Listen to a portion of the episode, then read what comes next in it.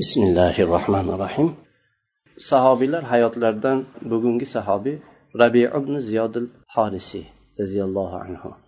Umar ibn hattob bu sahobiy haqlarida aytgan ekanlarki men xalifa bo'lgandan beri rabi ibn ziyod menga sodiq bo'lganga o'xshash boshqa hech kim sodiq bunday sadoqatli sodiq rost gapirmadi degan ekanlar. Ya'ni buni qissasi pastda keladi. Rasululloh sollallohu alayhi vasallamning shaharlari madinai munavvara. Abu bakr siddiq roziyallohu anhu u kishi vafot etganlaridan keyin u kishini g'am tashvishidan chiqib umar ibn hattob roziyallohu anhuni xilofatga tayinlagan edilar. Juda ko'p shaharlardan elchilar har kuni madinaga xalifa umar ibn hattob bilan quloq solib itoat qilish o'zlarini qiziqib turgan xohlab turgan yoki xohlamay turgan Э, hamma holatlarda quloq solib itoat qilishlikka bayat qilishlik uchun hamma shaharlardan elchilar madinaga kelar edi umar foruq roziyallohu anhu kelganlarga namoyandalarni ham har birlarini so'zini eshitishlikka ularga quloq solishlikka u kishi juda qattiq haris edilar. Va bir ibratlik so'z yoki bir foydali fikr olloh ollohni kitobi va musulmonlar ommasi uchun bir samimiylikni eshitib qolaman topaman deb ularga shunday bir qattiq harislik bilan quloq solar edilar ya'ni har bir bu kishini bayatiga ziyoratiga kelgan odamni so'ziga shunday umar roziyallohu anhu quloq solardilar. Kelganlardan bir qanchalari keldi ular yaxshi gaplarni gapirdilar lekin nihoyatda qattiq bir muhim so'z gapirmadilar. Shunda bir kishiga umar roziyallohu anhu e'tibor berdilar yuzlarida bir yaxshilik alomati ko'rinib turgan bir kishini ko'rib qoldilarda u kishiga ishora qilib siz ham bir narsa deng bir gapiring siz ham deb u kishiga ishora qildilar. Bu odam turib ollohga hamd aytdi allohga sano sanolar aytdi. Keyin aytdiki siz ey amirul mo'minin dedi. Bu ummatni ishiga ya'ni bu amirlikka siz yetakchi bo'lishingiz bu olloh azza va jalla sizni u bilan imtihon qilgan ollohni imtihonidir bu. Bu bir sinovdir sizga dedi. Siz bu voliy bo'lgan bosh bo'lgan bu ishda ollohdan qo'rqing taqvo qiling dedi. Bilib qo'ying dedi. Shu furot daryosini sohilida biror bir mo'minni bir e, yana bir qo'y yo'qolib qolsa qiyomat kunida siz undan so'ralasiz dedi. Ya'ni amirning mas'uliyatini og'irligi. Butun qo'l ostidagi bo'layotgan umar ibn hattob roziyallohu anhu madinada u kishi. Furot bu yerda. Bu furotni sohilida bir qo'y yo'qolib qolsa siz javob berasiz. Shunda umar roziyallohu anhu ho'ngrab yig'lab yubordilar shu ovozlari chiqib ho'ngrab yig'ladilar. Aytdilarki men xalifa bo'lganimdan beri sen bunday sodiq bo'lganingga o'xshash hech kim menga bunday sodiq bo'lmadi. Kimsan? Oting nima deb so'radilar. U kishi rabi ibn ziyodil horisiy dedi. O'zini shunday tanitdi. Umar roziyallohu anhu muhojir ibn ziyodni akasi emasmisan dedilar. Rabi roziyallohu anhu ha o'shaman dedilar. Keyin bu majlis tugaganda umar ibn hattob roziyallohu anhu abu muso ashariyni chaqirib rabi ibn ziyodni ishini yaxshi bir u bilan tanishgin ishini tekshirgin dedilar. Agar u shu aytayotgan so'zlarda sodiq bo'lsa bu odamda juda ko'p yaxshilik bor dedilar. Va bu ishda bizga katta bir yordam bizga bir juda katta bir quvvat bor. Mana shu kunga ko'p o'tmadi hatto abu muso ashariyga ahvoz yerlaridan manozir degan shaharni fath qilishlik uchun shu xalifani buyruqlariga asosan u kishi shu katta askarni boshlig'i bo'lib ketdilar. Bu askarni ichida rabi ibn ziyod u kishining akasi muhojir ibn ziyod ham bor edi. Abu muso ashariy borib manozir shahrini qurshab oldilar va bu shahar ahli bilan juda ham qattiq bir kuchlik ko'p insonlarni qurbon bo'lishiga sabab bo'lgan jang bo'lib o'tdi. Janglar bunga o'xshashini oz guvohi bo'lgan shunday qattiq jang bo'ldi. Mushriklar ham hech kim o'ylamagan bir katta quvvat o'zlaridan bir qattiq bir shiddatni ko'rsatib jang qildilar. Musulmonlar tarafida nihoyatda o'lganlar ko'p bo'ldi. Bu endi inson buncha o'lar buncha o'lar deb taxmin qilgan shu hisoblagan o'lchovdan ko'ra ko'proq ko'pchilik vafot e, shahid bo'ldi.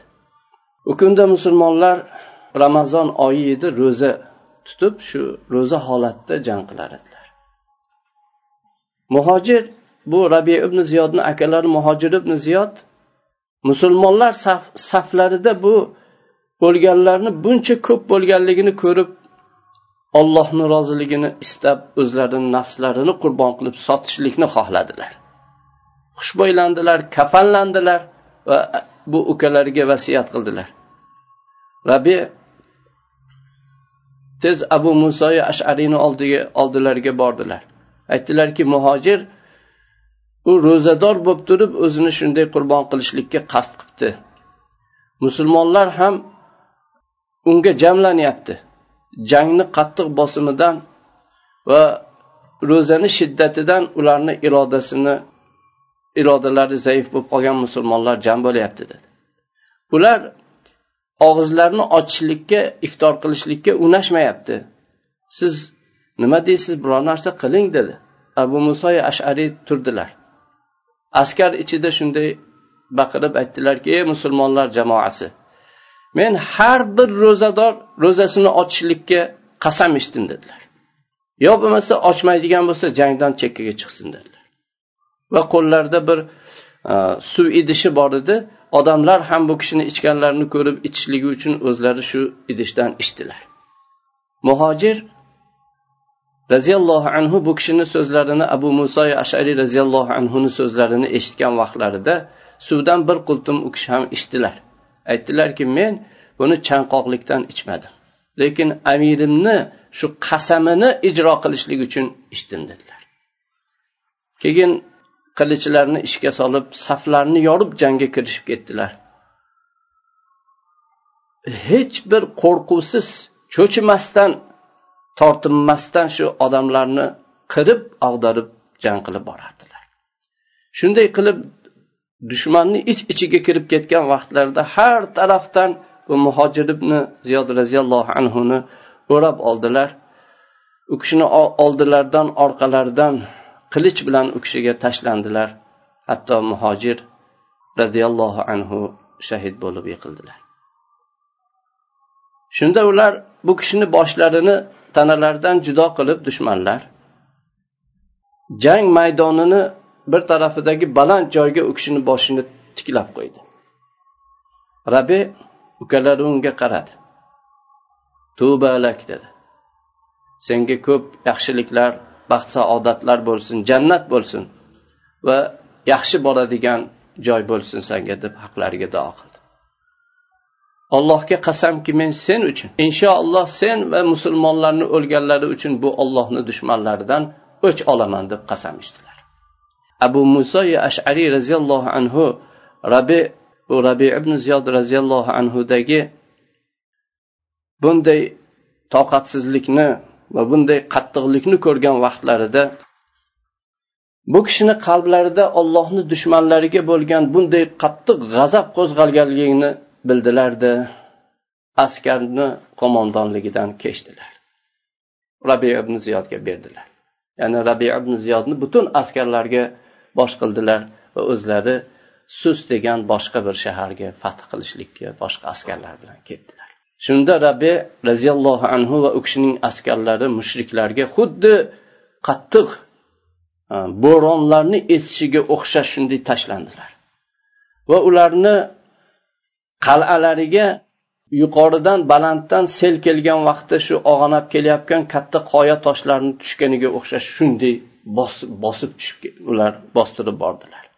Dushmanlar saflarini parchaladilar. Ularni quvvatini shunday zaiflashtirdilar. Alloh taolo rabi ibn ziyodga bu manozir shahrini qahram kuch bilan quvvat bilan shunday qattiq jang bilan alloh taolo fath qilib berdi. Bunda bu kishi bu shahardagi urushuvchilarni hammasini qatl qildilar. Bu kofir mushriklarni jangchilarni hammasini qatl qildilar.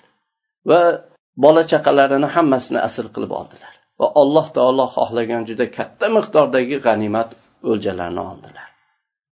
Shundan keyin bu manozir jangidan keyin bu rabi ibn ziyodning yulduzlari porladi.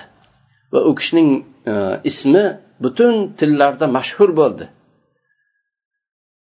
Katta katta ishlarga umid qilinadigan islomdagi ulug' bir qo'mondonlar yetakchilar amirlarni bittasiga aylandilar. Musulmonlar sijiston degan yerni fath qilishlikni qasd qilgan vaqtlarida askarni boshchiligini rabi ibn ziyod roziyallohu anhuga topshirdilar. Va allohni izni bilan g'alaba bu kishini qo'lida bo'lishligini orzu qildilar. Rabi ibn ziyod roziyallohu anhu u ollohni yo'lidagi o'zlarini g'azotchilari bu jangchilari bilan sejiston yeriga yana yetmish besh farsax chaqirim bo'lgan uzoqlikdagi e, sahrodan kechib bordilar. Ko'pincha bu sahroni bunday kechib o'tishlikka shu sahroda yashagan yirtqich hayvonlar ham bundan charchab toqat qilolmaydigan katta uzoq masofa edi. Shuni kezib o'tdilar. Keyin bu kishi borib birinchi uchragan joyi zoliq degan bir ularni katta bir qancha shahardan tashkil topgan bizda viloyatda shunaqa bir viloyatiga borib shu sijiston chegaralaridagi viloyatga borib. Bu nihoyatda katta qasrlar bilan obod bo'lgan bir viloyat edi. Juda katta qal'alari bor edi. To'silgan himoyalik va mevalari ko'p e, boyligi komil nihoyatda boy bir viloyat edi. Shunda bu aqllik nihoyatda hushyor qo'mondon o'zlarini bu xabarchilarini bu shaharga borib bir bilib kelinglar dedilar. U yerga yetishdan oldin keyin xabardor bo'ldilarki bular yaqinda bir o'zlarini bu majuslarda shunaqangi katta bayramlari hamma din dindan tashqarida bo'lgan millatlarda har kun bayram bo'lganga o'xshagan shunaqa bir katta bayramlari yig'inlari borligidan xabardor bo'ldilar. Keyin ular kutib turdilar. Mana shu bayramlarida shu yig'inlarida ularni g'aflat vaqtida ularga bostirib kirishlikni kutib turdilar. Va shu vaqtda ularga kirdilarda ularni bo'ynida qilichlarni ishga soldilar va ularni hammasini kuch bilan ya'ni katta bir jang bilan qahr bilan ularni bosib oldilar. Ulardan yigirma ming asir oldilar. Ularni eng katta boshliqlari bu rabi ibn ziyod roziyallohu anhuni qo'llariga asir bo'lib tushgan edi. Bu asirlar ichida e, bu boshliqni xizmatkorlari bor edi. Bu xizmatkorlar uch yuz uch yuz ming shu o'zini sayyidiga bu xo'jayiniga olib borishlik uchun uch yuz ming jamlaganligini topishdi. Rabiy u xizmatkorga aytdiki bu buncha dunyoni qayerdan olding? Xo'jayinimizga qarashlik bo'lgan qishloqlarni bittasidan dedi. Bitta qishloqdan shuncha ekan. Unga aytdiki bu har bir qishloq mana shuncha molni har yil beradimi bunga? dedi. Ha dedi. Qanday topasizlar buni? Qayerdan topib berasizlar dedi. Va aytdiki boltalarimiz o'roqlarimiz shu o'zimizni ter to'kib topib beramiz dedi. Ya'ni juda katta mehnat evaziga shuni beramiz dedi. Keyin jang to'xtadi. Haligi boshliq bularni o'sha boshlig'i mushriklarni boshlig'i rabi roziyallohu anhuga kelib o'zini va o'zini ahlini fidyasini berib ozod qilib olishlikni u kishidan talab qildi. Unga rabbi bo'pti dedilar. Agar musulmonlarga fidyani ko'p qilib bersang fidyangni olaman dedilar. Ya'ni tovon to'lab qutulib ketishga. Qancha xohlaysiz dedi. Rabi aytdilarki men mana bu nayzamni dedilar. Shu uzun bir nayzalari bor edi. Shu nayzani yerga shunday sanchib qo'yaman dedilar. Keyin sen bunga oltin kumushingni to'kaverasan. Shu nayza ko'milib ko'rinmaydigan bo'lgungacha to'kasan dedilar. Shuncha dunyo berib fidya bersang ozod. Chunki unda shu katta dunyo borligini bildilar. U mayli dedi rozi bo'ldim dedi. Keyin butun xazinalardagi oltin kumushlarni olib chiqdi. Shu nayzaga to'kaverdi to'kaverdi hatto shuni ko'mdi.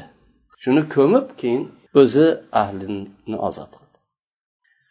Rabi ibn ziyod bu sijiston yerida o'zlarini bunday fotih askarlari bilan nihoyatda qattiq fathlar qilib shaharlarni fath qilib fath qilib kirishib ketdilar. Bu qal'alar u kishini otliqlarini oyog'i ostiga xuddi bu kuz shamolidagi xazonlar daraxtlarni barglari to'kilganga o'xshash butun qal'alar to'kilardi. Qal'alar. Dushmanni himoya qilib turgan qal'alar shunday to'kilardi. Shahar ahli qishloq ahli hammasi u kishidan amonlik so'rab xalq u kishini oldiga peshvoz chiqaradi. Ya'ni ularni bo'ynida bu kishi qilich solishidan oldin amonlik so'rab chiqaradi. Hatto zarang degan bir shahar bor edi sijiston viloyatini poytaxti edi. Shu yergacha yetib bordilar. Shunda poytaxtga borganlarida dushman bu kishini janglariga nihoyatda katta bir tayyorgarlik ko'rgan edi. Ko'p jamoalarni yiqqan edi. Va bu kishi bilan qarshi jang qilishlik uchun har tarafdan juda katta yordamlar kelgan edi. Va nima bo'lsa bo'lsin bu katta shahardan rabi ibn ziyodni qaytarishlikka qattiq qasd qilgan edilar. Va u kishini askarlarini har qanday qiymatda bo'lsa ham bu sijistonda jangini davom ettirishlikdan to'xtatishlikni qasd qilgan edi dushmanlar. Rabi ibn ziyod roziyallohu anhu bilan bu dushmanlar o'rtasida bu yanchuvchi jang tegirmoni aylandi. Ikkala taraf ham bu jang talab qilayotgan qurbonlikni hech ayamadi. Hech baxillik qilmadi. Shu o'zini shu fido qilib jangda o'limga tashlanib jang qildi. Keyin oxirida musulmonlarga g'alabaning avvallari muqaddamalari zohir bo'la boshlagan vaqtda parvez nomlik bu qavmning katta boshlig'i qo'mondoni rabi roziyallohu anhu bilan sulh qilishga harakat qildi. Unda hali quvvati bor edi jang qilsa bo'lar edi. Lekin u o'yladi shu tama qildiki bu sulh qilsa bu jang qilgandan ko'ra yaxshiroq shartlar qavmi va o'zini foydasiga bir yaxshi nasibalarga erishadi. Foyda ko'radi degan tama bilan bu e, bu kishi bilan sulh qilishlikni xohladi. Rabi ibn ziyod roziyallohu anhuga elchi yubordi yana bir uchrashuvga bir vaqtni joyni belgilashlikni so'rab odam yubordi. Sulhga kelishlik uchun. Uni talabiga rabi ibn ziyod xo'p dedilar. Bo'pti sulh qilaman san bilan. Keyin rabi o'zlarini bu askarlariga bu parvezni kutib olishlik uchun bir joyni tayyorlashni buyurdilar. Mana shu yerga kesin dedilar shu yerga olib kelinglar keyin askarlardan so'radilar majlis bo'ladigan joyning atrofida majusiylarni o'lganlaridan katta katta bir tepaliklar qilinglar dedilar. O'liklardan juda katta xalq o'lgan shunday to'plab to'plab uyumlar qilib chiqdilar. Keyin bu parvez keladigan o'tadigan yo'lni atrofiga o'liklarni olib borib shunday tartibsiz to'ldirib sochib tashlanglar dedilar. U keladigan yo'lni atrofiga juda uzun yo'l edi.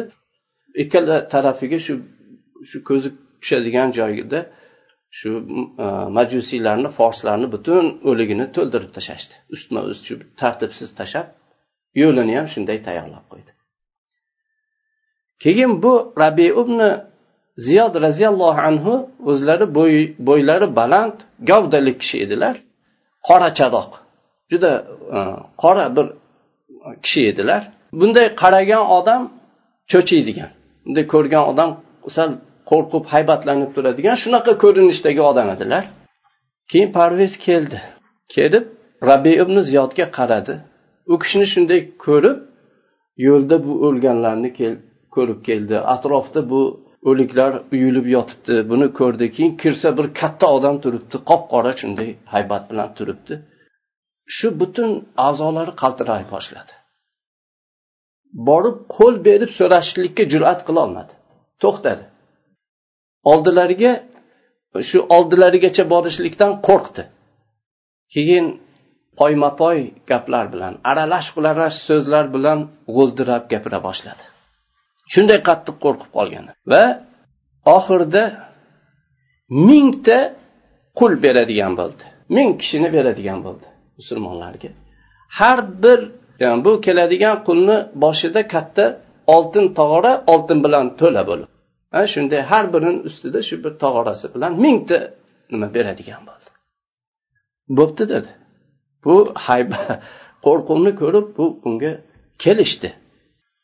Rabi qabul qildilar ha bo'pti dedilar. Mayli shunda tinch qolsam bo'lmasa. Shu bilan taslim bo'ladigan bo'ldi. Shuni to'lab bizni o'ldirmang biz taslim bo'lamiz dedi. Taslim bo'ldi. Rabi ibn ziyod jangsiz shunday shaharga kirib ketdilar. Va qullar karvoni hammasida shu oltin tog'ora bilan boshida ular kela boshladi. Bu ollohni kunlaridan juda ajoyib bir tantanali musulmonlarga juda chiroyli kun musulmonlar takbir tahbil tahlil aytib bu karvonni atrofini o'rab qabul qildilar. Rabi ibn ziyod musulmonlar qo'lida yalang'och qilich bo'ldilar. Ollohni dushmanlariga shunday hujumga o'tdilar. Shaharlarni fath qildilar. Ko'p viloyatlarni musulmonlarni unga ega qilib qo'ydilar. Hatto ish bani umayyaga yetib keldi. U xilofat madinada bani umayya xalifalari boshlangan vaqtda muovayat ibn abi sufyon bu rabi ibn ziyodni xurosonga voliy qilib qo'ydi. Lekin bu voliylikdan bundan xursand bo'lmadilar. U kishi bundan juda siqilardilar. Buni yomon ko'rardilar. Keyin muoviya tarafidan qo'yilgan ziyod ibn abih degan uni voliysi bor edi. Ya'ni bani umayya voliylarini kattalarini ulug'larini bittasi edi. Rabi ibn ziyodga bir xat yubordi. Amirul mo'minin muoviyat ibn abi sufyon sizni bu oltin kumushlarni jang o'ljalaridan oltin kumushlarni baytul molga topshirishingizga buyuradi. Va oltin kumushlardan boshqasini mujohidlar o'rtasida bo'lib berishlikka buyuradi. Bu xalifani buyrug'ida bu voliy yozdi. Shunda rabi ibn ziyod unga xat yozib aytdilarki men olloh azza va jallani kitobiga sen amirul mo'mininni tilida buyurayotgandan boshqa buyruqni olloh buyurayotganini topdim dedilar. Ya'ni bu durust emas edi mujohidlarni haqqini baytul molga jo'natish durust emas edi harom edi ularni jo'natish. Keyin odamlarni ichida tez o'ljaylarga o'tinglar dedilar. O'ljaylarni olinglar deb tez o'ljalarni taqsimlab berdilar mujohidlarga keyin beshdan birini dimashqdagi dorul xilofaga yubordilar. Mana shu xatdan keyingi juma kuni keluvdi. Rabi ibn ziyod oq kiyimlar kiyib namozga o'tdilar. Odamlar ichida juma xutbasini xutba qilib keyin aytdilarki odamlar dedilar men hayotdan ancha charchadim. Men bir ollohga duo qilaman. Sizlar shu meni doimga omin denglar dedilar. Keyin aytdilarki yo olloh agar menga bir yaxshilikni xohlaydigan bo'lsang o'zingga qabz qilgin. Tez kechiktirmasdan qabz qilgin dedilar. Odamlar bu kishini duolariga omin dedilar. Shu kuni quyosh botmasdan rabi ibn ziyod roziyallohu anhu robbilari tarafiga ketdilar. Yana bu dunyoga ahamiyat berishlik dunyo fitnasini g'alaba g'olib kelishligi kelgan vaqtda ularning va ashobi ikromlarning odatlari. Dunyo fitnasidan rasululloh sollallohu alayhi vasallam ummatni juda ham qattiq bundan ogohlantirgan edilar. Ular yaxshi emas narsani ko'rar edilar. Alloh taolo rozi bo'lsin alloh rozi qilsin va o'zini keng jannatlarida ulug' maqomlarni alloh kishiga berib mukofotlasin.